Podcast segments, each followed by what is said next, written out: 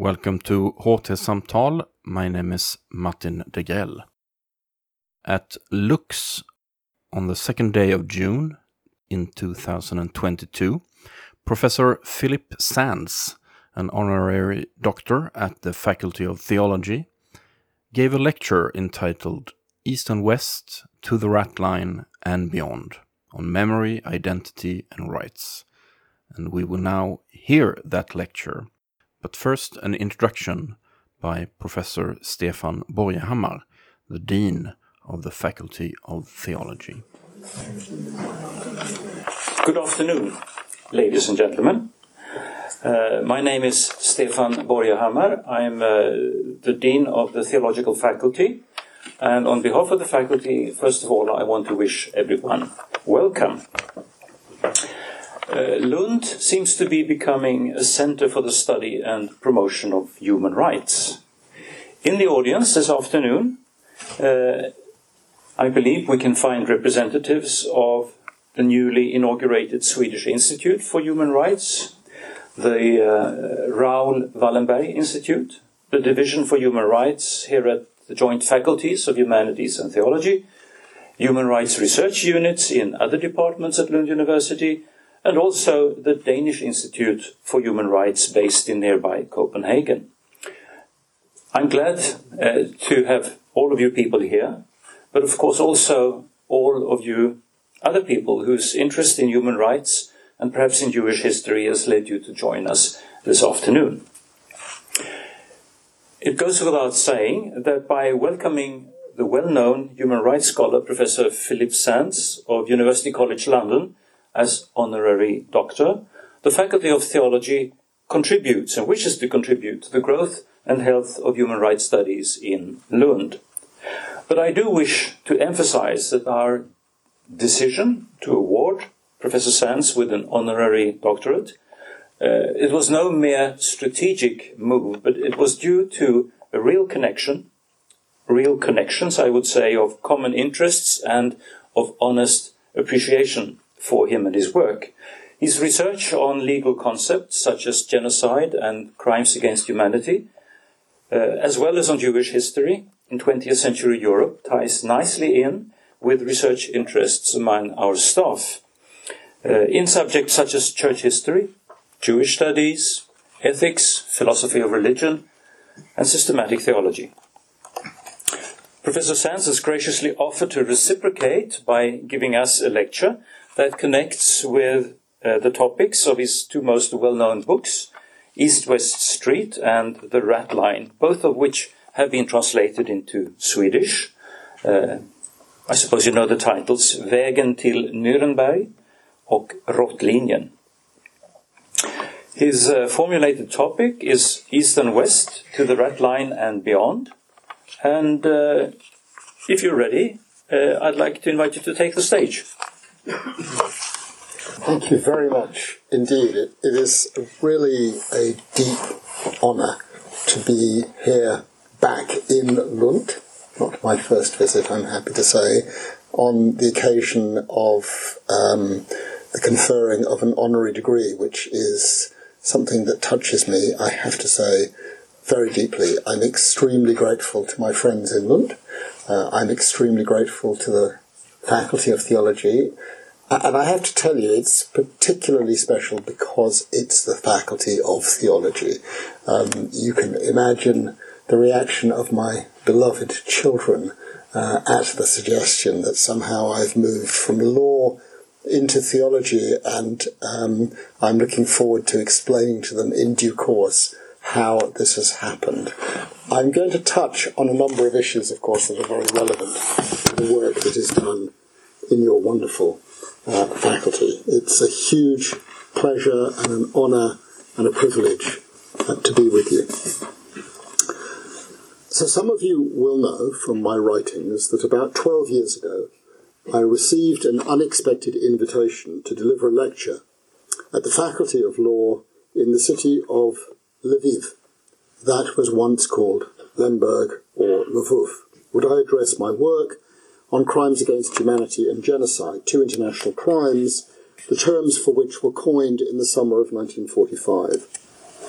I spent part of that summer writing my lecture, in the course of which I discovered, entirely accidentally, that the man who put crimes against humanity into international law, the renowned Professor Hersch Lauterpacht, happened to come from Lviv. Indeed, he had been a student at the university and at the law faculty, although those who had invited me were completely unaware of that fact. He later went on to study at the University of Vienna under Hans Kelsen. And then I stumbled across the fact that the man who invented the word genocide, Raphael Lemkin, was also a student at the very same law faculty, although not at exactly the same time. They didn't overlap. And those who had invited me did not know that fact either. And then I learned that at the famous Nuremberg trial, Lauterpacht and Lemkin actually prosecuted the defendants on behalf of the British and the Americans. And the one person in particular that they prosecuted was Hans Frank, who had once been Adolf Hitler's personal lawyer for crimes against humanity and genocide perpetrated on the territory of Poland. When the trial opened on November the 20th, 1945, those two men did not know that the man they were prosecuting was also responsible for the deaths, the murder, of their entire families. It's a story you almost could not invent. Ostensibly, I travelled to Lviv in the autumn of 2010 to give a lecture. But the true reason for the journey was actually a different one. It was to find the house where this young man was born in 1904. His name is Leon Buchholz, and he was my grandfather. Back then, at the time of his birth, Lemberg was the regional capital of a part of the Austro-Hungarian Empire. And I wanted to fill gaps in Leon's life story. I wanted to discover what had happened to his family, a subject about which he never once spoke to me.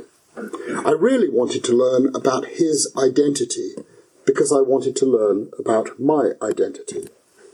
I found the house where Leon was born and I discovered, as I've mentioned, the origins of genocide and crimes against humanity, linked directly to the city of his birth. That journey caused me to write a book, East West Street, which some of you may have read. But you're possibly less familiar with the sequel, which is called The Rat Line. The two books tell stories, and like the cases in which I am involved before international courts, they inevitably touch on personal and very human stories. And I suppose what it is that I've come to be really interested in is that special connection between the minutiae of personal stories and the larger canvas of big political, legal, intellectual tales. That's the subject that really interests me. East West Street and the Rat Line are part of a broader intellectual project, helping to make the subject of international law reach a broader audience. And right now, that's, I think, an incredibly important project, as so many countries, not least my own countries, the United Kingdom and France, have recently moved in some way away from their commitment to the 1945 rules based global legal order, along with the United States.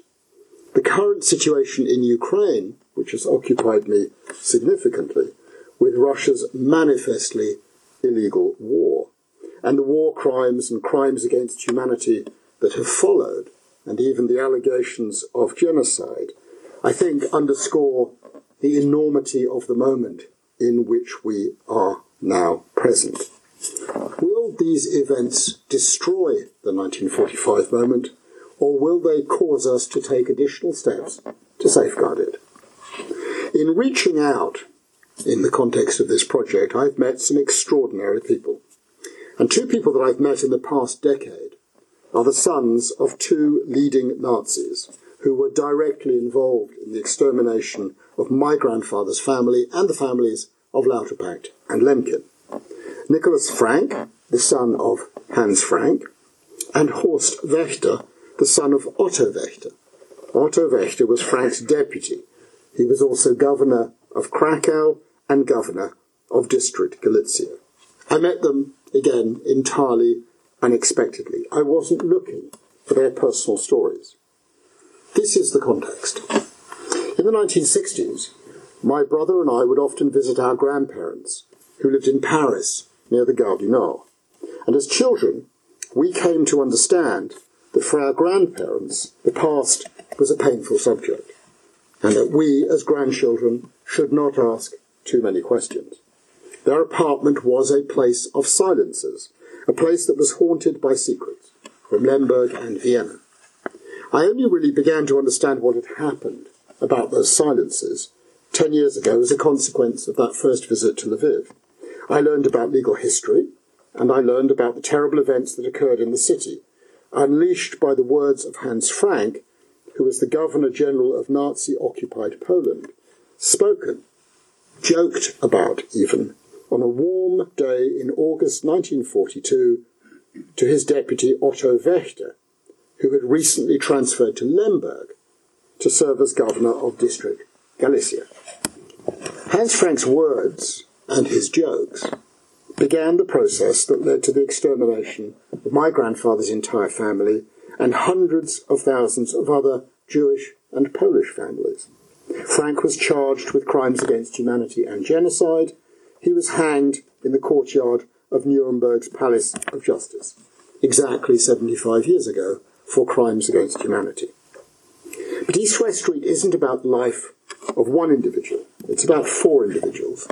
It seeks to understand how the particular circumstances of those four men, my grandfather, Lauterpacht, Lemkin, and Frank, contributed to the roads that they individually took, and how the different roads they travelled changed the system of international law that is my daily work, and the daily work of so many others. For those of you who've read the book, you will know that it also touches on a much more personal theme how these four interweaving lives influence the path that I've taken, directly and indirectly.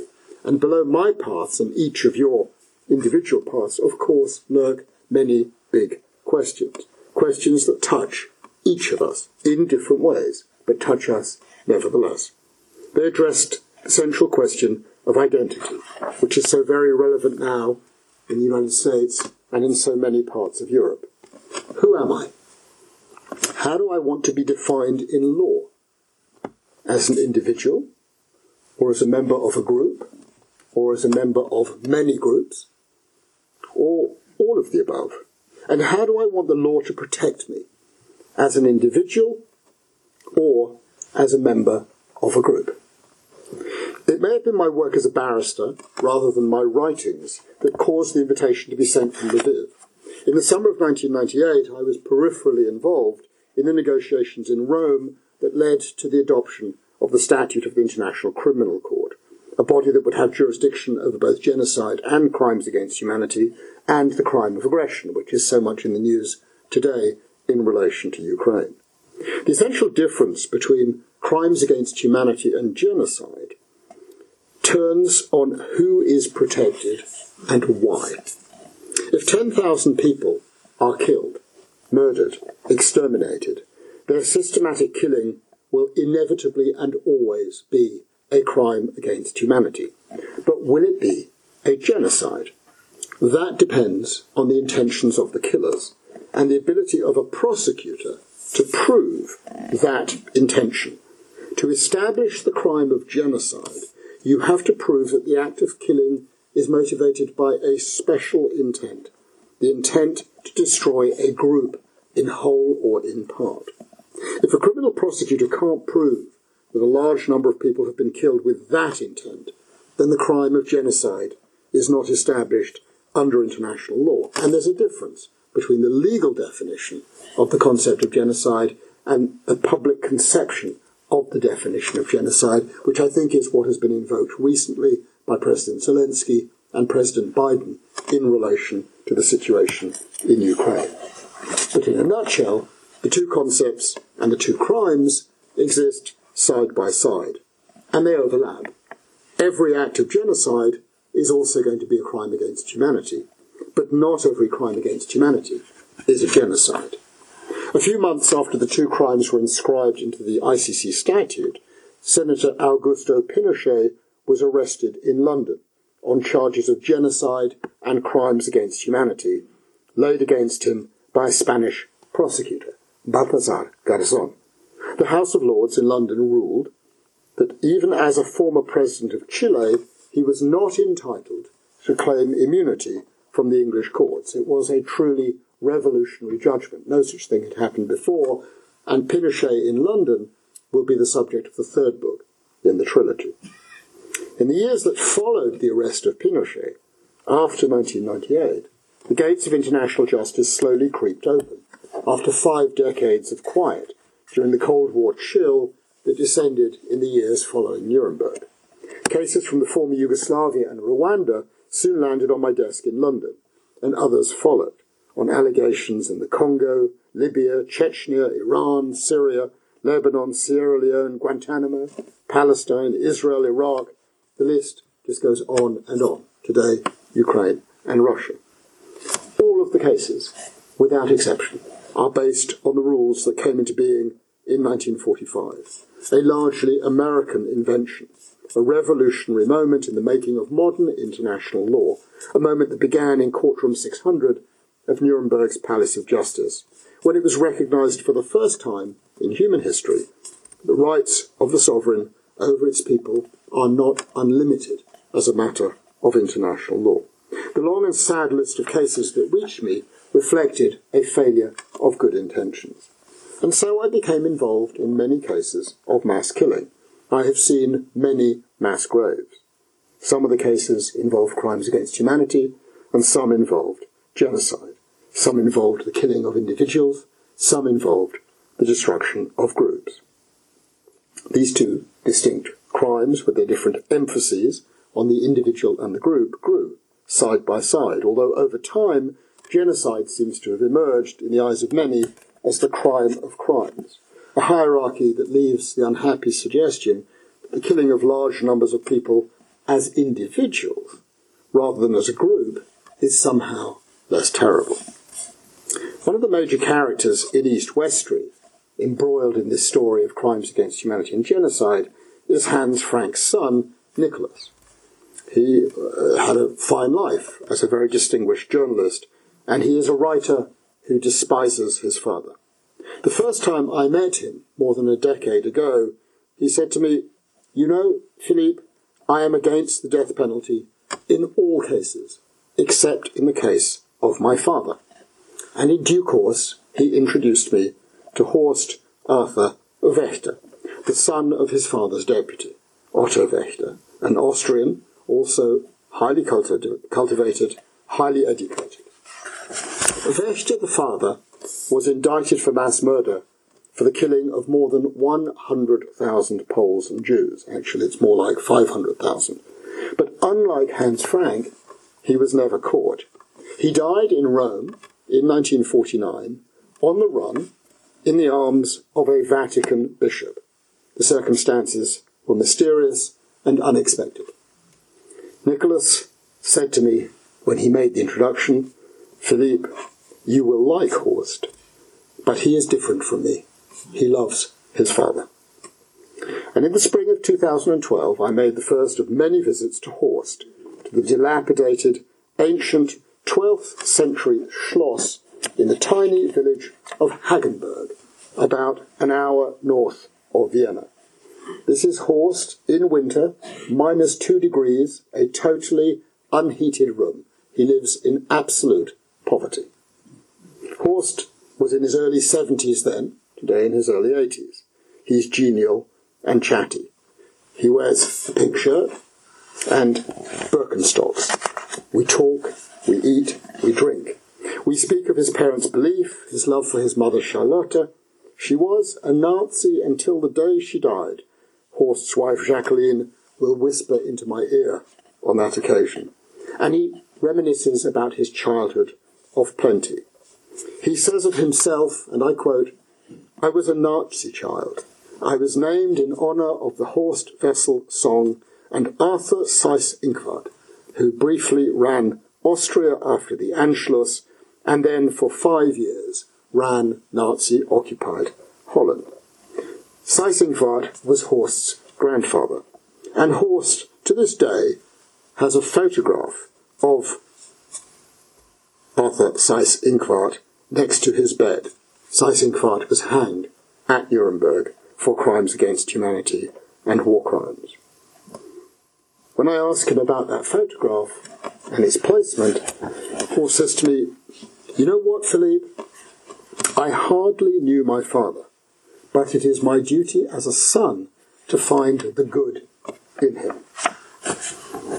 On that first visit, Horst shared with me family albums filled with black and white photographs like the ones you can see on the screen in the 1930s and 40s. Images of family holidays on lakes and mountains. And then you turn the page and you'll see the occasional swastika or a picture of Adolf Hitler or a haunting photograph of a child taken by his mother in the Warsaw Ghetto. The albums make it crystal clear that the Wächters sat at the top Nazi table. There is also a vast collection of his parents' diaries and letters, and Charlotta's notebooks and reminiscences. But these I will only see much later. I leave at the end of the first visit, two days with Horst in his Schloss, totally intrigued by Horst and his family papers. And the thing that is curious is although I don't like what he has to say, I do like him. I write a profile of Horst for the Financial Times newspaper. He doesn't like the article or the title, My Father, the Good Nazi. He severs relations with me and then, a few weeks later, re-establishes contact. The article catalyzes a commission for a BBC documentary, What Our Fathers Did, a Nazi Legacy, which traces my relationship with Nicholas and Horst and takes us together to the city of Lviv. Horst doesn't like the film either. He severs relations once more, but again, as always, the pattern returns. He returns. And he says to me, there's one scene in the film that really upsets him. It was taken in Lviv, in the city archives, an interview between me and Nicholas, where Nicholas wonders aloud whether Horst could be one of those new kind of Nazis. Nicholas will later retract the charge, but the damage has been done. They have not spoken to each other since. Horst wants to counter the claim. I don't think of you as a Nazi, I say, and I make that clear in the film. You are not a Holocaust denier, and you are not an anti Semite. So, he says, how can I prove that I'm not a Nazi? And in the theology department and in the philosophy department and in law faculties, you'll understand that proving a negative is always a complex thing. I take a bit of time to reflect on his interesting and complicated question, and I come up with a solution. Why not, I say to him, why don't you just give this vast archive of family material to a museum so that scholars and others can review the family material. Nazis tend not to give such things to museums. It does, after all, seem to be a completely unique collection, one that traces the life of a leading Nazi couple from the moment they met in 1929 to the moment Otto died two decades later.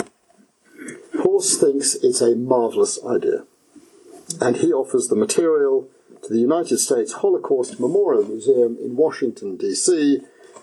They send over four digitizers, and it is given to them and made public. As of last year, it is also available on the museum's website, so any of you can just dip in and look at this trove of a unique and astonishing collection of a single family in those key years.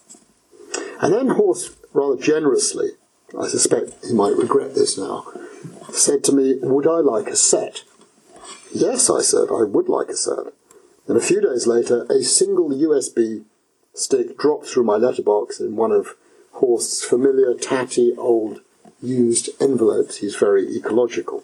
13 gigabytes of digital images, 8,677 pages of letters, postcards, diaries, photographs, newspaper clippings, and official documents. The collection is indeed remarkable. It includes Charlotte's Erinnerungen, her memoirs, written largely for Horst and the couple's other five children after the war.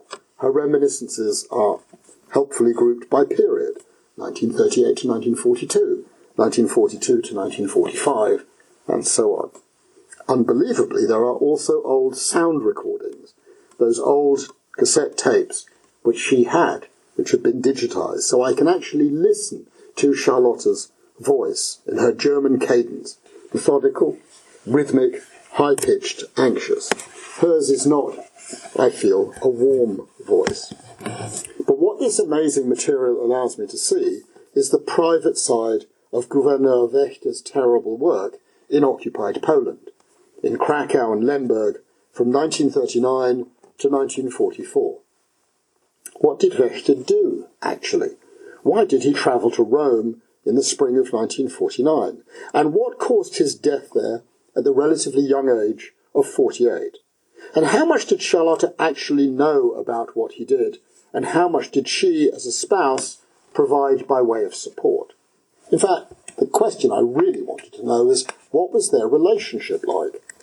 The material is voluminous, much of it is handwritten, and it's all in German, which is not a language I have a huge facility with. The material lingers for weeks and weeks until one day my colleague at UCL, the wonderful but sadly late historian Lisa Jardine, intercedes. She had recently delivered an inaugural lecture at my university, which I had attended, which came with the wonderful uh, title, which will be familiar to many of you in this faculty Temptation in the Archives.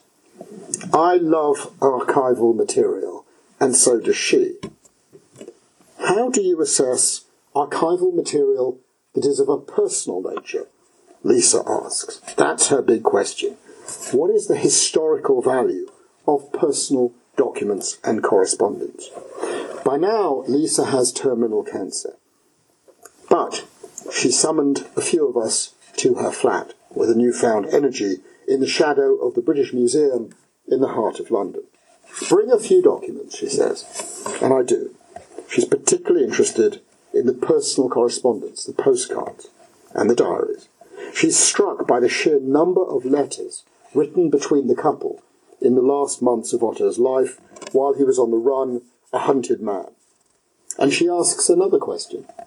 Why would a husband and wife write to each other so often, at such length and in such detail? I don't know, I say. Because they loved each other? No, Lisa replies, that's not what it's about. There's something else there. They are sharing things that they don't want other people to see. The letters from the last year after the war, when Otto was on the run, are entirely coded. There are no real names. Focus, Lisa says, on the last year of Otto's life and the nature of Charlotta's role, and you will find interesting things.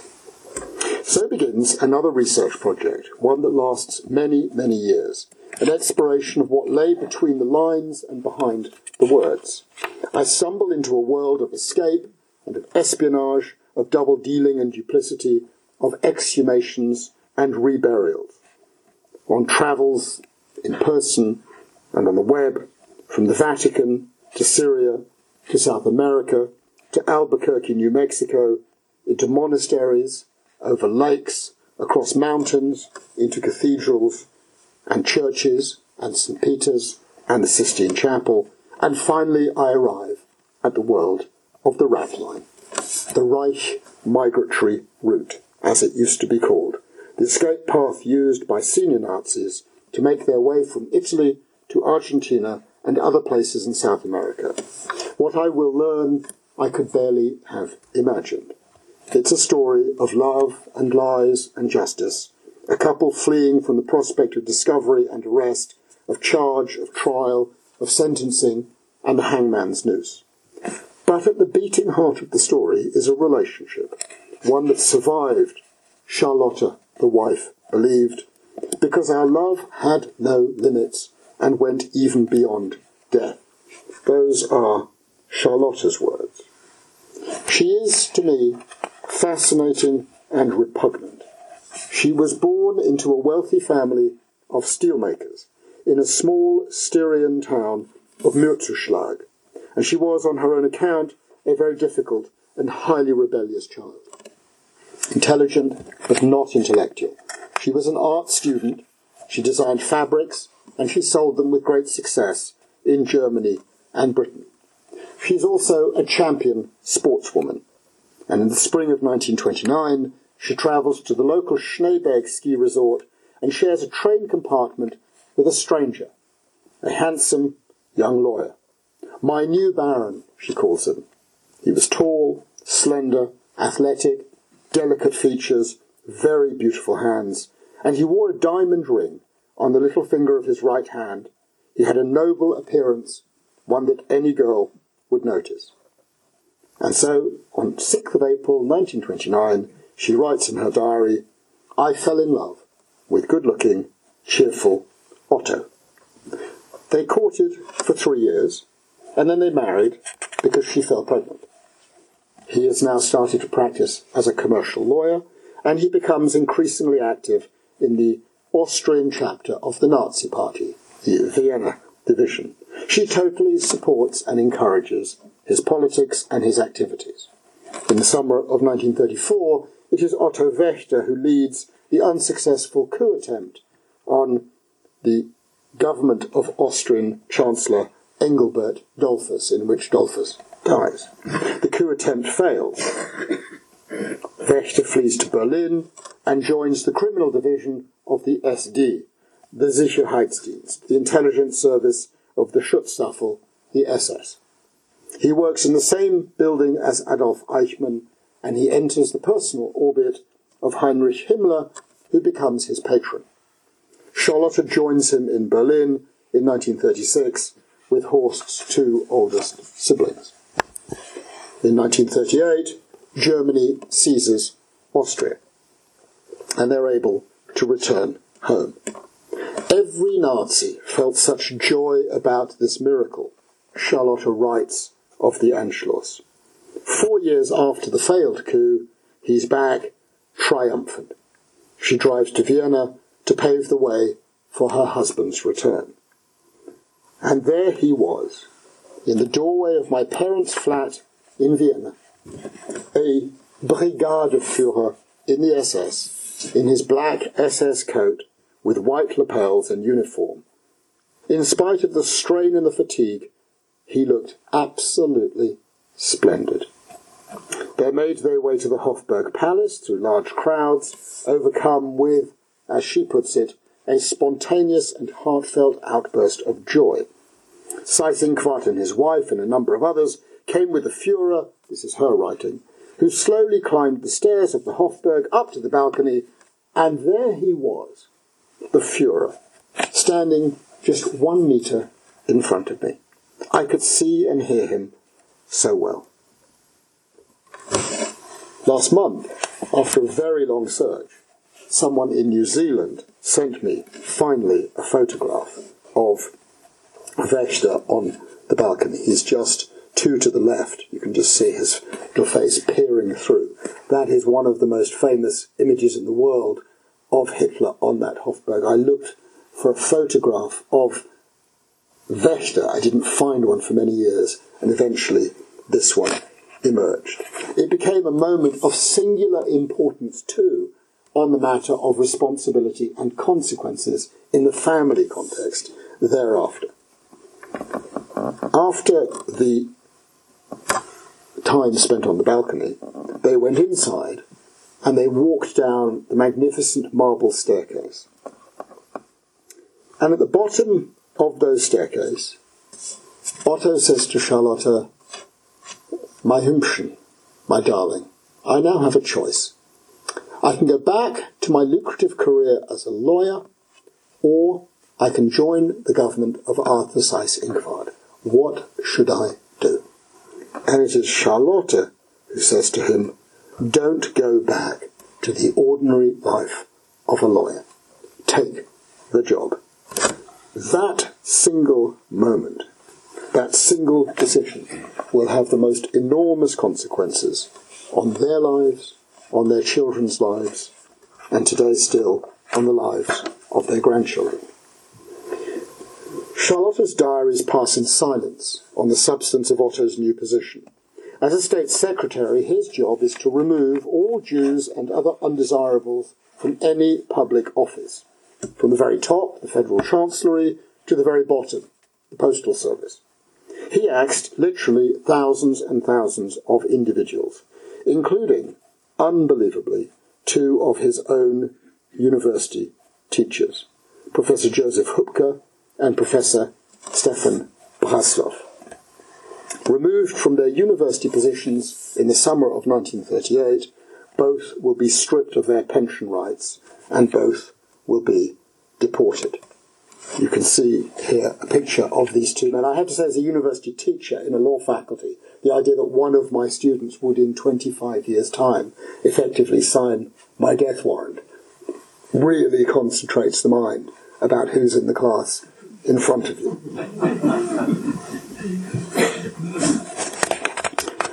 As Otto crosses one line after another, Charlotta continues to offer unstinting support. She loves the perks, the Mercedes, the cocktail parties, the concerts at Salzburg and at Bayreuth, in the presence of the Führer and Himmler. She loves the new homes, which have been freshly emptied and stolen, the new villa in Vienna, the summer house in Zell am See. And then the war arrives in September 1939, and it propels Otto's career to even greater heights and horrors. Seyss-Inquart procures a new position for Otto. He becomes governor of Krakow in western Poland, newly occupied by Germany, working under Hans Frank. Charlotta was fully aware of what he was up to, because he would write letters like this one home to her, telling him, telling her exactly what he was up to. My darling Humpchen, many thanks for your lovely letters. There's a lot going on here. On the one hand, we've had some lovely things in the past few days. Schirach, General Arbeitsführer Polenz, R.M. Funk, and the Vienna Philharmonic, the visit, was a great success. So also a great success for me. Frank was very impressed. On the other hand, not such nice things. Sabotage, nasty business, car accidents, and ultimately a life, an attempt on the life of the Governor General, Frank. Tomorrow, I have to have another 50 Poles shot. That act of killing was notorious. It took place in a town called Bochnia. It is still commemorated today. And it's notorious because it was the first act of reprisal personally ordered by Adolf Hitler in occupied Poland. And it was Otto who signed off on it and supervised it. It was also Otto who signed off on acts against the city's Jews and Polish intellectuals, and it was he who ordered and oversaw the construction of the Krakow ghetto. For these and other acts, he would in due course be indicted for mass murder, crimes against humanity, and genocide. I looked for a hint of regret in Charlotta's papers. 8,677 pages, not a single word of regret about anything that happened. Three years later, the Krakow job completed, Charlotta celebrated when Adolf Hitler personally appointed him to Lemberg to clean up District Galicia, recently occupied by Germany after the breaking of the pact with the Soviet Union. And again, Otto keeps her abreast of developments. There was so much to do in Lemberg after you left, he writes. The harvest was gathered. We sent Polish workers to the labour camps more than 250,000 already in the last four weeks alone. And the current large Jewish operation, the Judenaktionen, have been implemented. Lots of love forever. Himmler visits, offering him a position in Vienna if he doesn't want to stay in Lemberg and see through the final solution. But Otto decides to stay. You know, he writes to Charlotta, I was almost embarrassed about how positively Himmler talks about me. But life isn't perfect. Manual labour is being increasingly difficult to find because, as he writes home in yet another letter, the Jews are being deported in increasing numbers and it's becoming awfully hard to get powder for the tennis court. As the deportations and exterminations proceed, Charlotta writes of picnics and concerts, and it's this disconnect between horror and beauty that makes so compelling and disconcerting a read of these diaries and letters. Carefully read, Charlotte's diaries reveal many other secrets. Working as a volunteer nurse at a hospital in Lviv, she records in an English that Otto cannot read that she has lost her heart to a young soldier. And then, in the spring of 1942, just as the final solution is being implemented by Hans Frank, she actually falls in love with Hans Frank. I send the pages of her diaries in which she reveals her newfound love for her husband's boss and colleague to the son Nicholas, and he writes back about four minutes later. Sensational, he writes. Perhaps Horst and I are brothers. The letters trace the last bitter months and weeks of the war, and even at the most acute moments as the Red Army approaches Lemberg and as the end nears, Charlotte and Otto find time to write to each other and to hope. She is ever the Anglophile. The British are more nationalist than the Germans, she writes, perhaps not entirely inaccurately, in 1932, and that feeling about the British is maintained.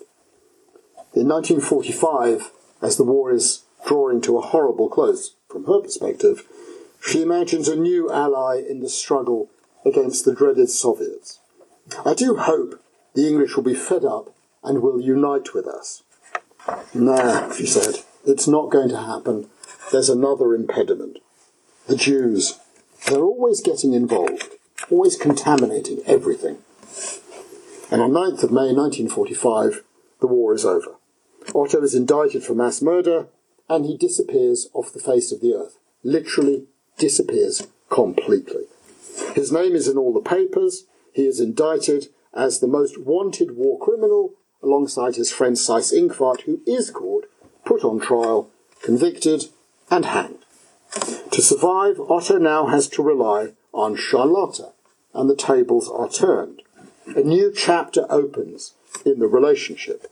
Evasion and escape require new friends and allies in the Vatican and beyond.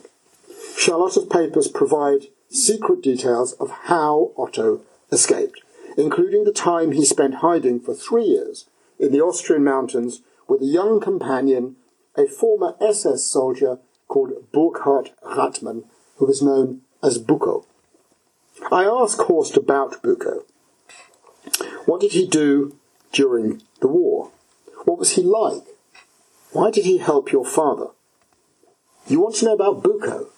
Horst asks. I nod.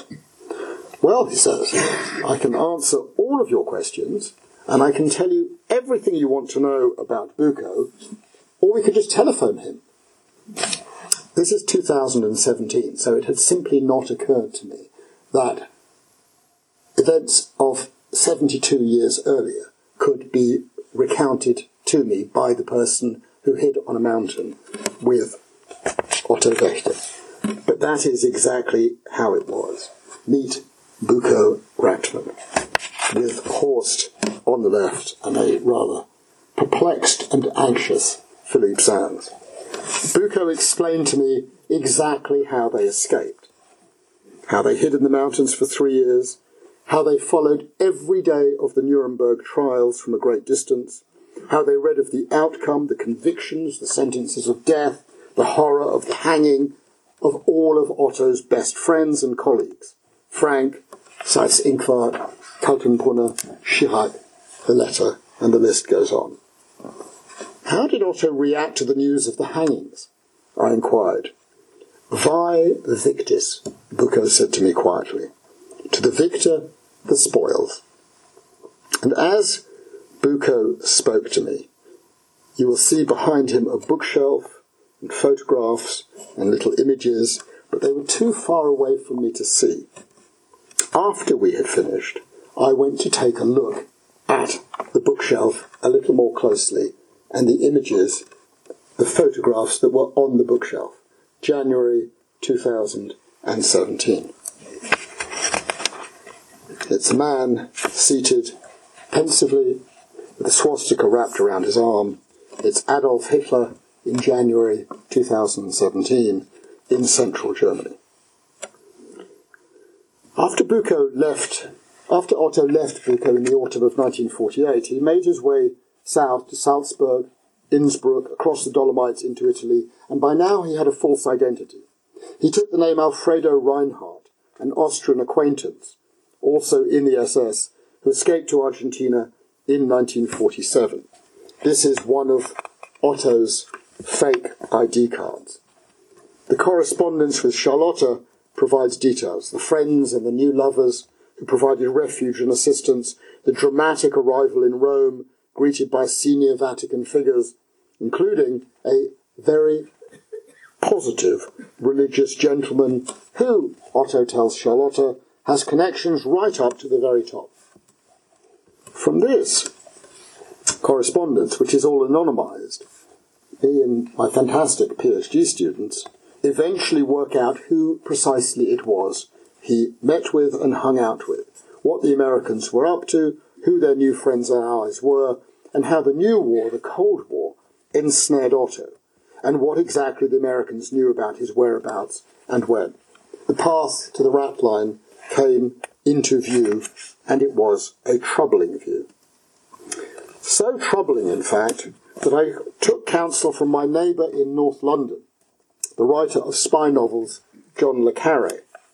He invited me to tea. I come, as he has instructed, with six small cakes, a handful of Otto's letters, and some photographs. We sit in his living room as the sun streams in across papers laid out on the sofa and his low table. And the first thing he says to me is, pretty amazing, Philippe, I was there in 1949. I'm surprised, I didn't know that. And I say that to him. Yep, he says, I was a young British soldier and my job was to interrogate Nazis.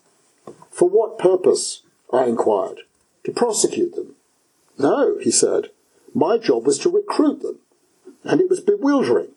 I'd been brought up to believe that the Nazis were the worst of the worst, and all of a sudden, I'm told we have to turn on a sixpence, and there's a new enemy, and it's called the Soviet Union. The Nazis are our friends. It was, for an 18 year old, deeply perplexing. This is just three years after the end of the Nuremberg trial, which offers, I think, a different sort of context. So, why did I, as an international lawyer and academic, engage in the project? What is it about the Wächters that captured my imagination? There aren't simple answers to questions like this, but it seems clear that it goes to the interrelationship of matters of memory and identity. History as a journey to better understand who we are and what it is we are capable of doing then and still today. My interest in the Wächters is surely a consequence of the connection with my own family from Vienna and Lemberg. Wächter was directly involved in actions that contributed to the killing of my grandfather's entire family. To excavate the memories of others is to fill the gaps and replace the silences. And there is, too, the implication of Otto Wächter's story for our conceptions of justice today and for the present. Wächter died alone in the Vatican run Santo Spirito Hospital. You can see a picture of this remarkable place, the oldest hospital room in the world, literally constructed in the 15th century. It took me a long time to get into this room, but I was helped eventually by a wonderful Irish bishop, Paul Tighe, and the cardinal who runs the cultural division of the Vatican. Wächter was charged, but he was never caught, he was never tried, and he was never convicted. And it is that fact that creates a hugely significant space for Horst. All the guilty ones have been judged, he once said to me. Since none of the lists of those tried and convicted included his father's name, it followed that when he died, he died as an innocent man convicted of no crime. And that is the untold story of Nuremberg, and the untold story of every other expression of formalized international criminal justice. Rwanda, Yugoslavia, Argentina, Chile, Kosovo, the list that I started with goes on and on. One of the unintended consequences of more or less every legislative or judicial act. By memorializing certain facts in the Nuremberg judgment, you inadvertently memorialize the acts of others by silencing them. And this was what allowed Charlotte Wächter to live the rest of her life on the constructed artifice that her husband was actually a fine and decent man. And that was the reality that she chose to pass on to her sons. As you'll discover, however, in the Ratline, the baton of innocence is not passed on endlessly, at least to every member of the future generations. The Wächter's granddaughter takes another view. But there is, too, to explain my interest in the Wächters, the connection with my own work, my writing, and the cases that I do before international courts and tribunals. A couple of years ago, I pondered all of these matters as I was sitting in the front row of the International Court of Justice in The Hague.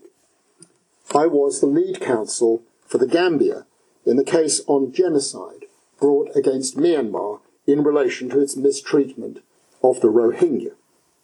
I sat right next to this person, literally a few feet from Aung San Suu Kyi, the Nobel Peace Laureate. I took this photograph, you can see how close I was, as she tried to persuade the judges of Myanmar, the judges, that Myanmar's military actions against the Rohingya community might be excessive. Okay, the odd war crime here and there perhaps, this was acknowledged somewhat grudgingly, but not acts of genocide. She had one interesting line in her speech. She's a very powerful speaker. International law, she told the judges, is the only language every person on this planet has in common. And it's an interesting idea. But none of the 17 judges were persuaded by her argument and they ruled at the provisional measures phase that Myanmar must immediately stop its genocidal acts. How, I asked myself, was it that she could not see the facts as others did? This lady who had been given a Nobel Peace Prize for her commitment to human rights. Some who know her believe that the reason ultimately lies in the matter of family, and that it is to do with her relationship with her father, who was the architect of Burmese independence and the founder of the Tatmadaw, Myanmar's armed forces, who were principally responsible for the genocide, as found by the International Court of Justice. He died right at the time of Burmese independence. And as she addressed the court, just a few feet from me, looking and speaking impeccably, with fresh flowers in her hair, speaking so very fluently. The people who came into my mind were Horst and Charlotta. So what about my interest in the Wächters as individuals? I suppose in some way that interest is also connected to the legal issues of crimes against humanity and genocide. The former, as I've explained, is about individuals. The latter is about groups. On the subject of groups, which group, if any, is more important than family? As regards Otto, I begin the Ratline with a quote from the wonderful Spanish writer Javier Cercas, spoken to me actually in a moment we were given by the Vatican to be alone together for half an hour in the Sistine Chapel. An extraordinary moment. I asked Javier Cercas why he took such an interest in this matter.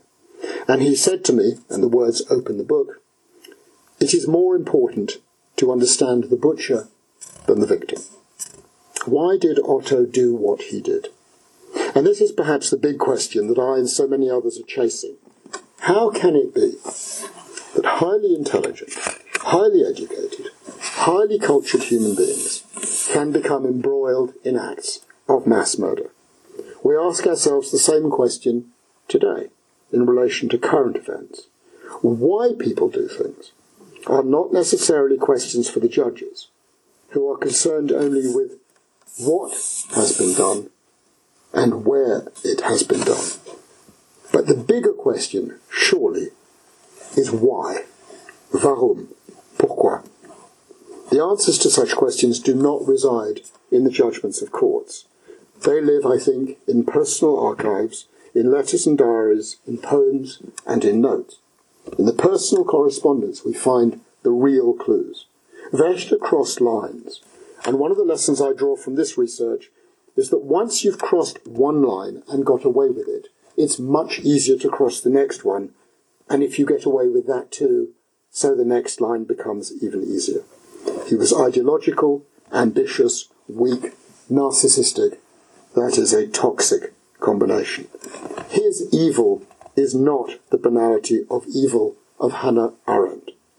Otto Wächter knew exactly what he was doing and why he was doing it, and he embraced the horror of his acts, as did Charlotta, who was entirely complicit in what he did.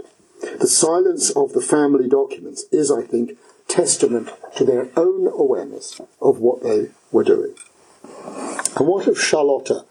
She is for me the most fascinating of characters, really the beating heart of what is in essence a family story of international criminality. She knew everything. She was entirely complicit. She embraced the horrors. She loved her man through every single thing that he did. And Horst. Horst is in a state of absolute denial. Why? Because love blinds. Over time, love transforms perceptions of reality, and then reality itself becomes a new truth. Like me, Horst was born into a family of silences. When the war ended, he, as Charlotta's favourite, was chosen to be protected, nourished, loved, and he was told that his father was a fine and decent man. I am so grateful that there are still people today who have positive things to say about my husband, Charlotta wrote to her son. I do not want my children to believe that he was a war criminal who murdered hundreds of Jews. That's what she told Horst. And so Horst doesn't want to believe it either even if he knows the facts point elsewhere. He doesn't deny what has happened, or his father's connection to the horrors, or his mother's support of the father. He just wants to characterize the facts differently, like Charlotta did. Sounds very familiar in our age. It's a way of being able to live, a means of survival, hiding from the truth. You remember those words. Tomorrow I have to have 50 Poles shot. That's what Otto wrote to Charlotta. For Horst, unbelievably, this is proof of the very opposite of what it says. It is proof of his father's decency. You see, when I go over the letter with Horst, he says to me, Look what it says, Philippe. I have to have them shot, not I want to have them shot. So he says to me, You have no proof that he was complicit in any way. That is Horst's interpretation.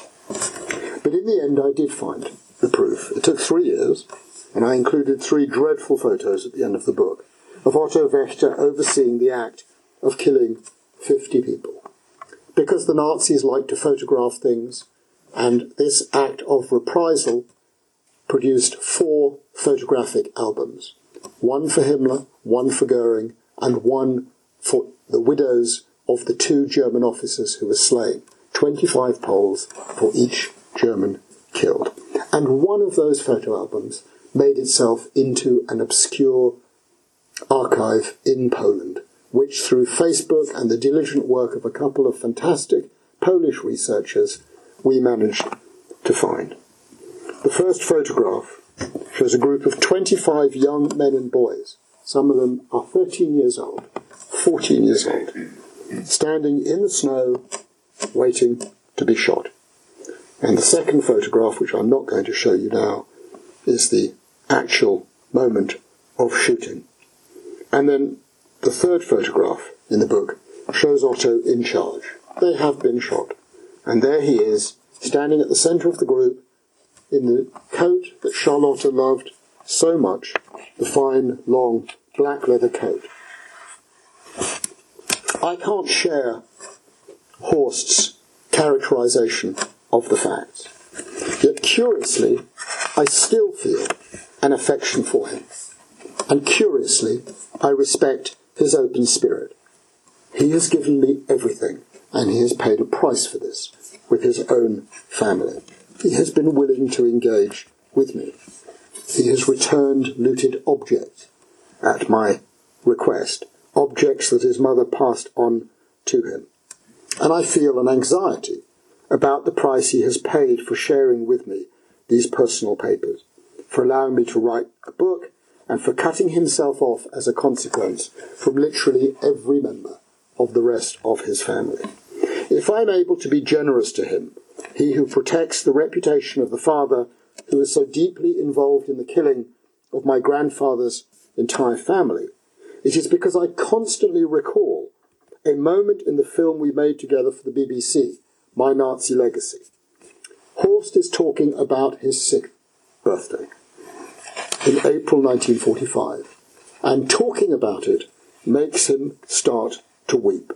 He is still a child who has been damaged. And whenever I think of that moment, I always recognize is that he is another victim of that terrible period. The consequences go on, so do the silences, and so do the remarkable communications that I receive. About a month after Die Rattenlinie was published in German, around Christmas 2020, I received an email from Vienna I didn't know the correspondent.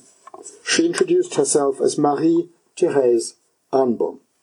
She said she was a historian and she was the great granddaughter of Robert Winterstein, in whose house she now lived, in the parish of Pötzleinsdorf on the outskirts of the city.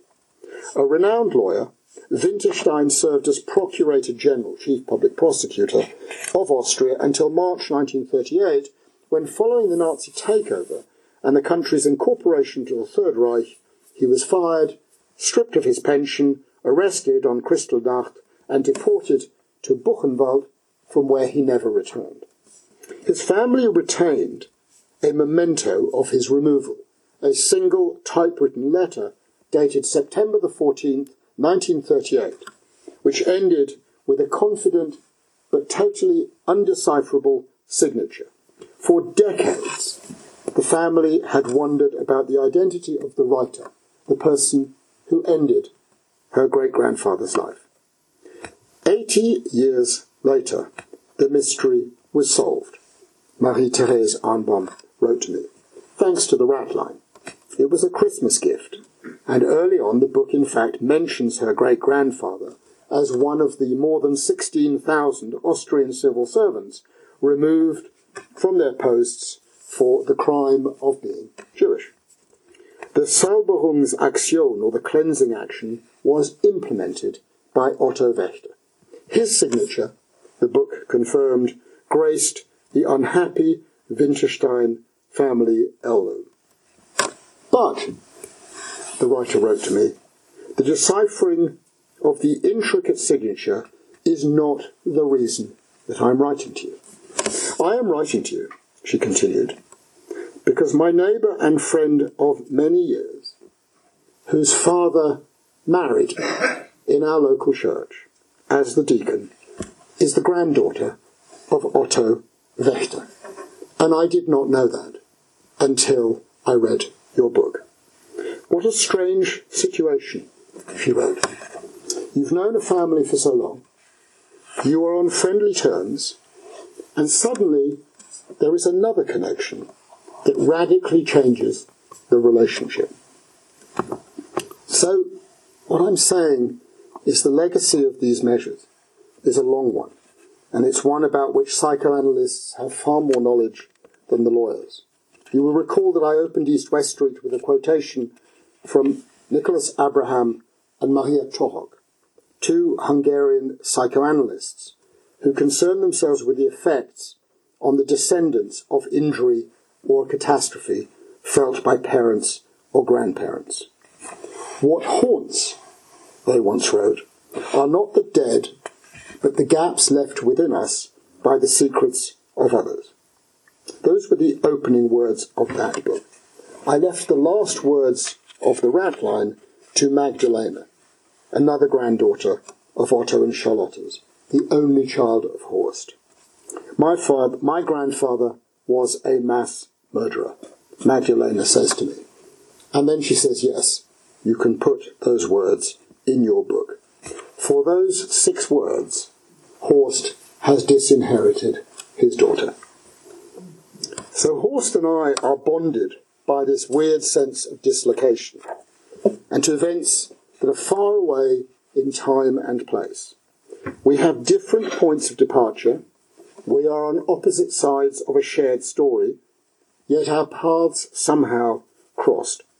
And we've somehow arrived at an end point. It's like a weird sort of a waltz, a constant movement, a sort of double act in which each seeks to lead the other.